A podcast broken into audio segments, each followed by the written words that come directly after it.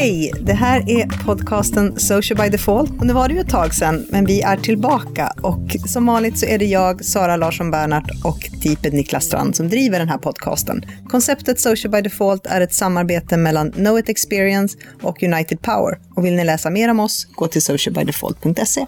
Har ni frågor till oss eller åsikter om avsnittet, twittra med hashtaggen socialbydefault eller prata med oss på vår Facebook-sida. Hej du! Hej! Kul att se dig, gör du. Ja, nu var det ett tag sedan. Ja. Vi har ju haft eh, semester, både du och jag. ja, tänk så konstigt.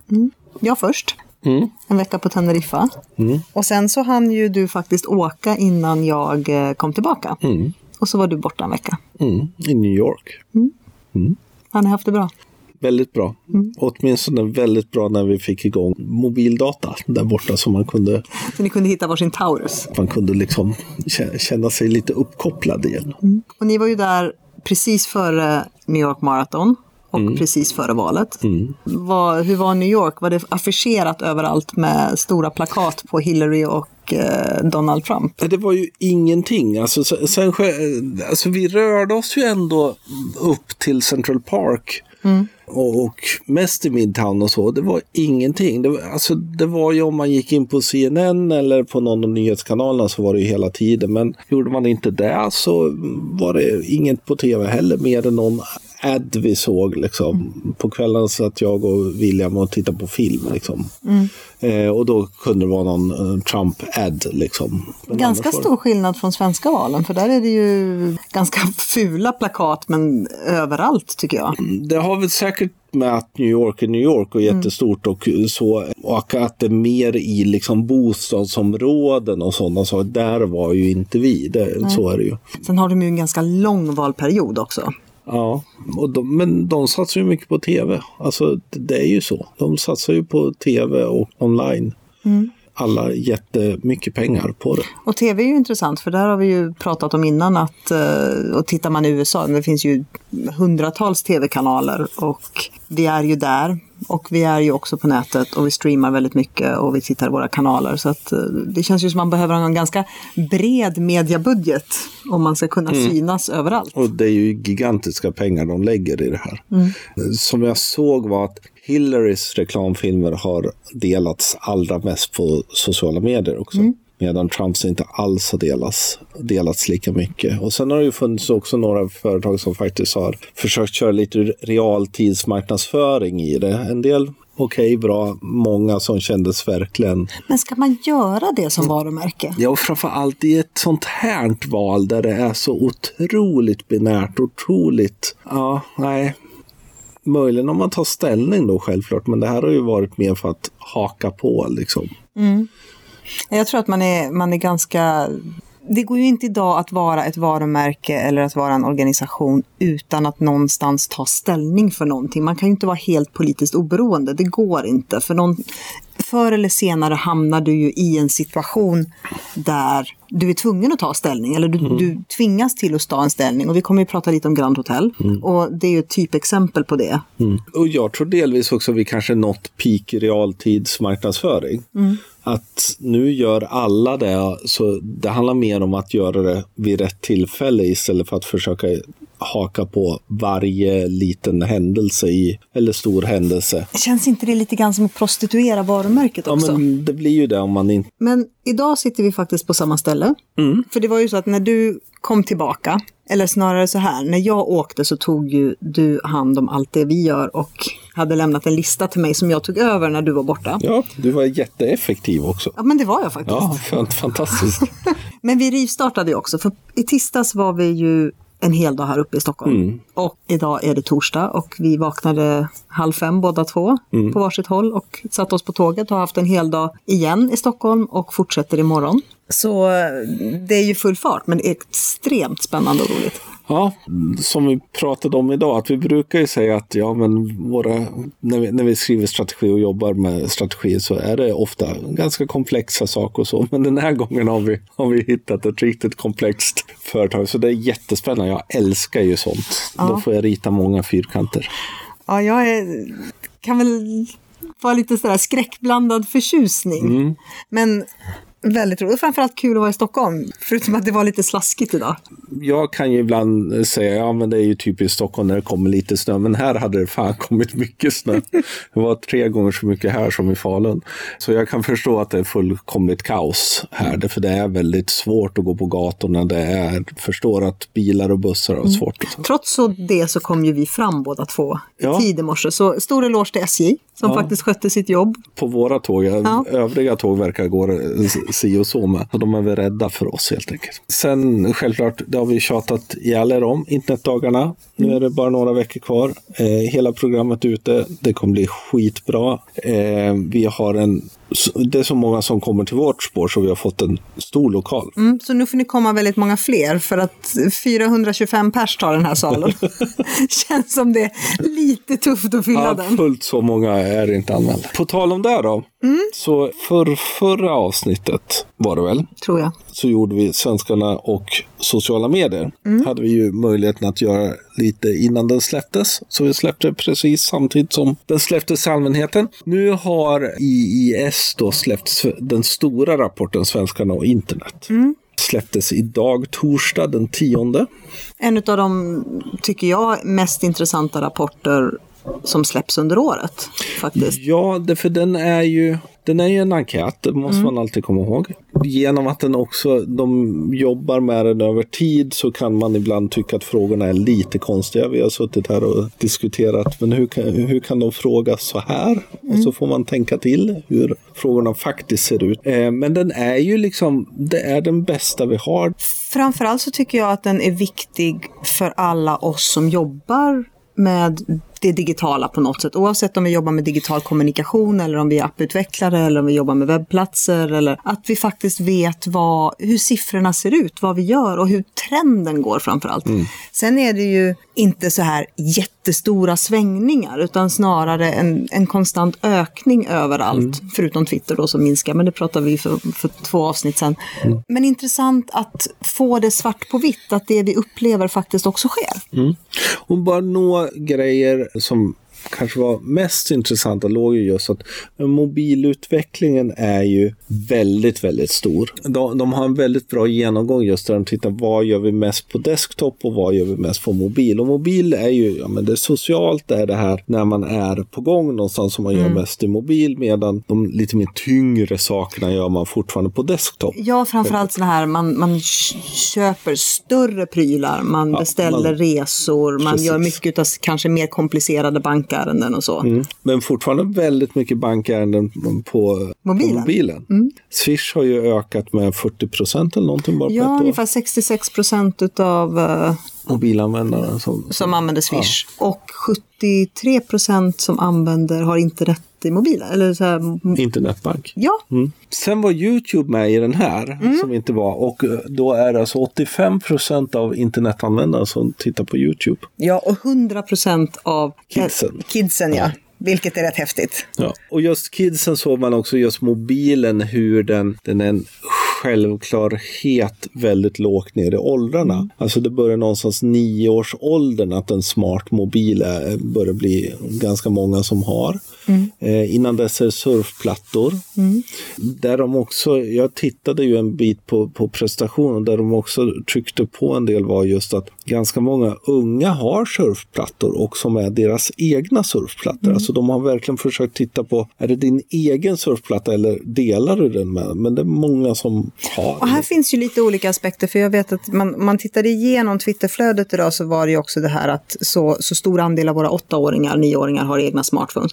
Men det är kanske egentligen inte så konstigt, för vi är föräldrar, vi byter upp oss till nyare mobiler och då ligger det ju en smartphone hemma.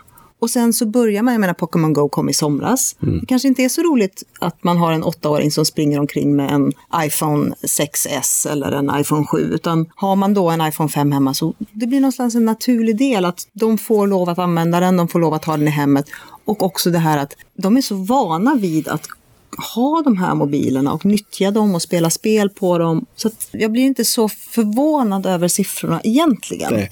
Och jag kan också tycka att den här som man alltid ser då när, när just barnsiffrorna kommer i Svenska internet och mm. folk förfasas att ska de inte få vara barn längre och så. Ja men lägg ner liksom. Det, så här ser världen ut liksom. Mm vi är uppkopplade. Och det vi ska ha med oss då är ju det här som vi egentligen har tjatat om ganska länge, att väldigt snart så kommer vi möta generation efter generation som aldrig någonsin surfar in på våra webbplatser från annat än mobila enheter. Så att just det här att ha det mobilt anpassat, låt det vara snabbt, fundera på vad är det för information eller vad är det vi söker när vi sitter mobilt. Ja, och framförallt titta på den här. För är det så att, att man jobbar med saker där man här kan se att de flesta använder mobiler till det så är det ju snarare, vadå mobilanpassad? Det är väl snarare ska man desktopanpassa den. Sant. I morse snabbt twittrade med, med Diskola från Systembolaget och, och vi någonstans att ja, men det handlar ju mer om att nu faktiskt börja se till så det funkar överallt och släppa hela den här anpassningsidén. Ja, men mm. En bra webbplats ska funka i alla devices och på alla storlekar. Allt annat är bara dumt. En annan sak var då att för första gången nu i då, eh, Svenskan och internet i, i då historien så är folk nämner att internet är den viktigaste källan till nyheter. Mm. Det har inte hänt förut. Nej, och det är ju spännande. Där hade vi ju en liten diskussion vad, vad internet innebär där. Det... Är det liksom nättidningar, är det att man tittar på nyheterna streamade via nätet eller är det sociala kanaler eller är det en det är ju väl allt helt enkelt. Mm. Att man, var får man nyheter? Och vi vet i andra undersökningar att Facebook är en oerhört viktig nyhetskälla för många och det har vi nu sett i amerikanska valet. Precis. Uh, för som ni vet så, om det är någon som har umgått det, så var ju valresultatet häromdagen. Välkommen tillbaka till civilisationen i sådana fall. Uh, från västvärldens perspektiv så blev det ju en ganska chockartad seger för Donald Trump. Mm. Det här hänger ju ganska mycket ihop antagligen med att internet är vår källa primära till källa till information. Därför det som då har hänt och det som nu diskuteras mycket liksom just runt är det bra, är det dåligt, var det, vems fel var det att Donald Trump vann? Ligger ju någonstans att när någonting pressas ut så är det klart att det delas mm. i, i våra nätverk. O, o, våra nätverk. Och det som då hände var ju att väldigt många på opinionsinstituten hade gett Hillary Clinton en ganska klar seger. Att det var liksom boxat och klart. Mm. Och sen då visade sig att de hade fullkomligt Ja, det, var, det kan vi snacka om fail, liksom. Ja. total fail. Och det är ju hur gärna vi än skulle vilja prata om just analyser och big data och opinionsundersökningar så har inte vi riktigt den kunskapen. Nej, men, men det kan vara intressant ändå att titta nu, för det kommer bli en stor diskussion runt opinionsinstituten, hur de väljer kluster och mm. sådana saker. Och vi kommer säkert se nya verktyg och nya sätt att mäta opinioner framöver eftersom i princip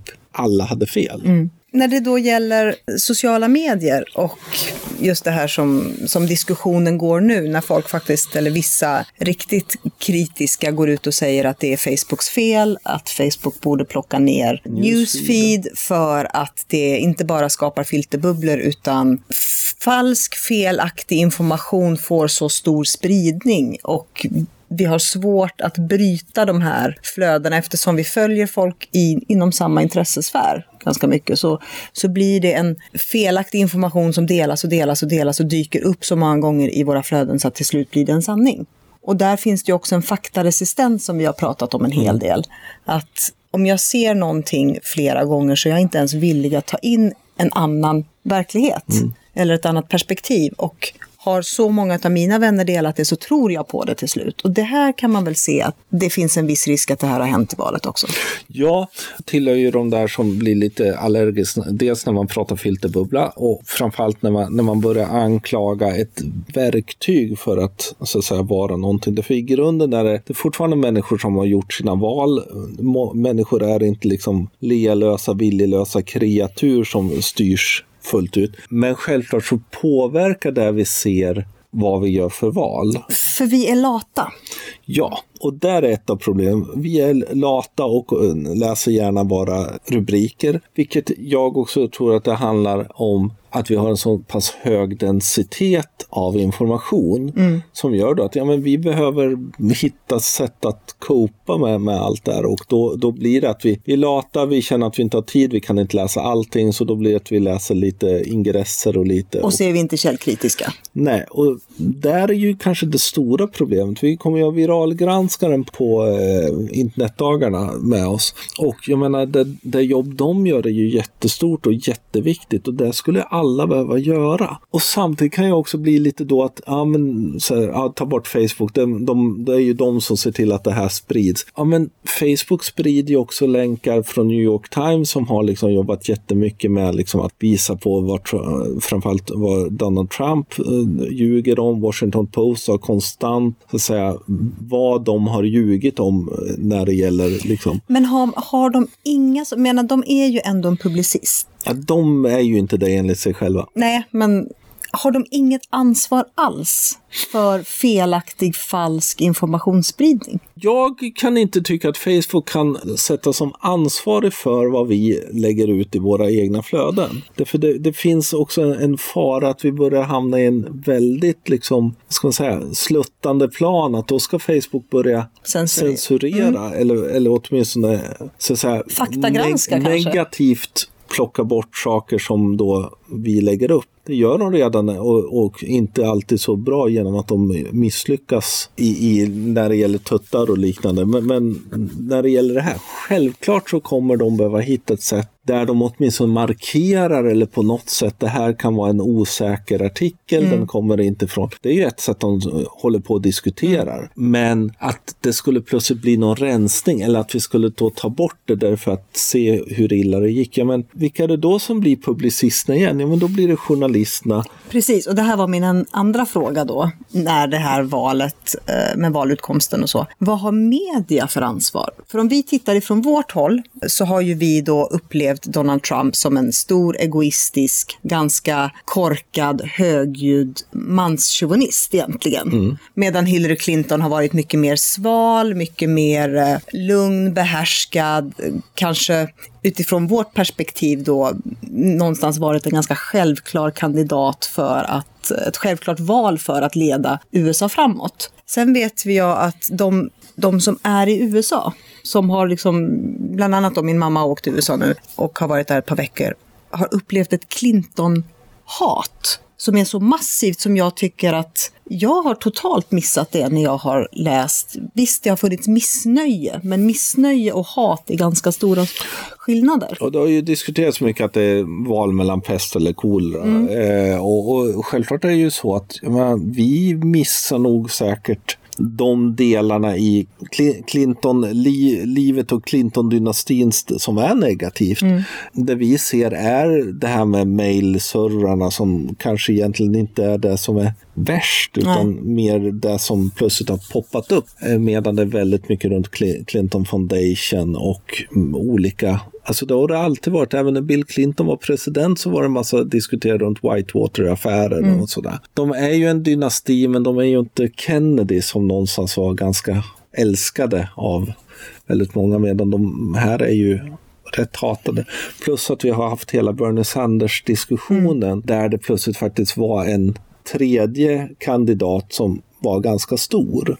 De tenderar ju annars att ha någon procent sådär som högst, men han var ju liksom, gav en Hillary Clinton en rejäl fight. Det narrativet har ju självklart följt med in i USA, men som vi kanske inte har brytt oss så mycket om. Nej, för, för jag tycker ändå liksom, chocken har väl lagt sig nu, men vi fick ju samma det här klumpen i magen för Brexit. Och det var ju också någonstans en utkomst som vi inte heller hade förväntat oss. Och då är frågan, kan vi lära oss någonting utav Brexit och USA-valet om vi tittar framåt och tittar på det svenska valet som dyker upp om några år? Förhoppningsvis tills dess har man ändå, har Facebook liksom tittat på det här eh, för att hitta något sätt för att inte hamna i andra diket heller mm. liksom, och faktiskt göra precis det vi är rädda för att Trump ska göra, att dra in både nätneutralitet och, och ge media och andra hårdare hårdare tyglar. Men samtidigt också hitta sätt som gör att man kan motverka faktaresistensen,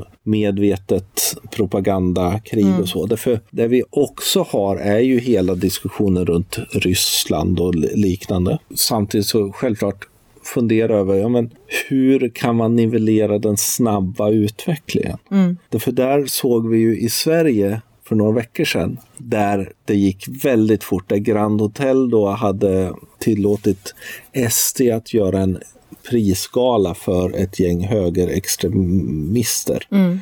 Och när det blev känt att den var så tog det ju hus i helvete. Mm. Det är, de flesta av er har ju säkert också hört talas om det. 400 inbjudna gäster på Grand Hotel. En alternativ Nobelfest som kallades Frihetsfesten eller något liknande. Mm. Och Eh, det här har ju varit någonting som har planerats väldigt, väldigt länge. Aftonbladet tog upp det för ett antal veckor sedan. Men då hände det inte så mycket och sen så nu precis dagen före själva galan, eller om det var samma dag som galan, så fullkomligt exploderade på nätet. Mm. Och de stod ganska handfallna. Ja, alltså de gjorde ju sam samma, åtminstone initialt sa samma riktigt dåliga jobb som Sheraton gjorde när, när det var en romsk kvinna som inte fick äta frukost i frukostmatsalen för några år sedan. Som också fick en sån här rejäl smäll. Och Grand var ju tysta och det började smälla. Och det intressanta i Grand-diskussionen var ju det vi har sett i en del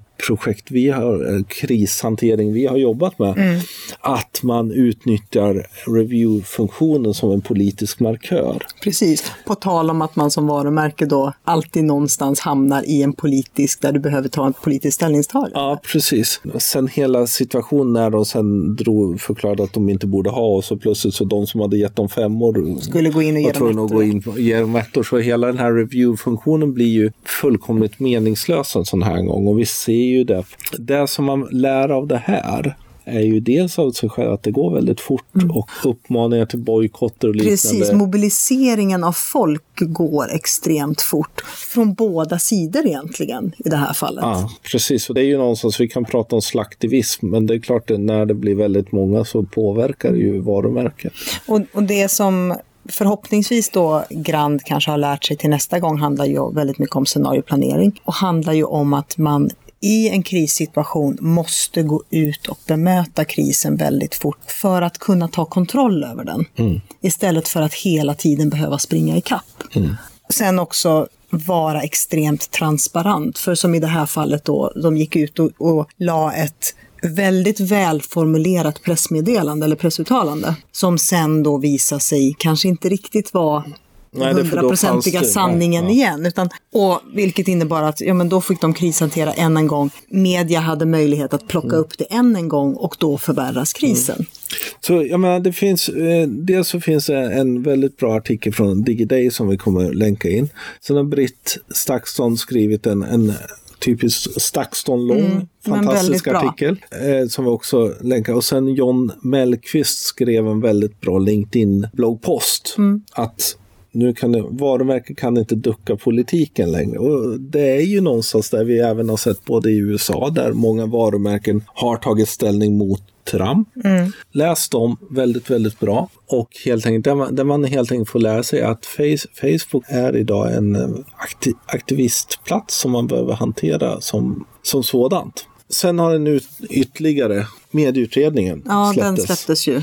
Den skulle man antingen behöva göra en egen diskussion, men några grejer. Att digitalt blir väldigt viktigt. Man behöver hantera Google och Facebooks algoritmer och gentemot mediernas del. Framförallt lo lokaljournalistiken lyftes upp väldigt mycket. Eh, man diskuterat ett mediestöd snarare än ett pressstöd. Mm. 400, över 400 sidor utredning. Perfekt att läsa över jul.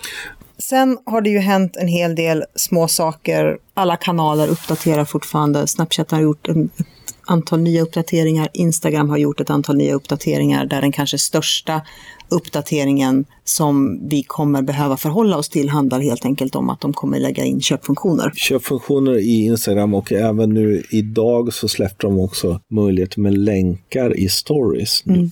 Än så länge bara för verifierade konton, men det lär komma till andra också.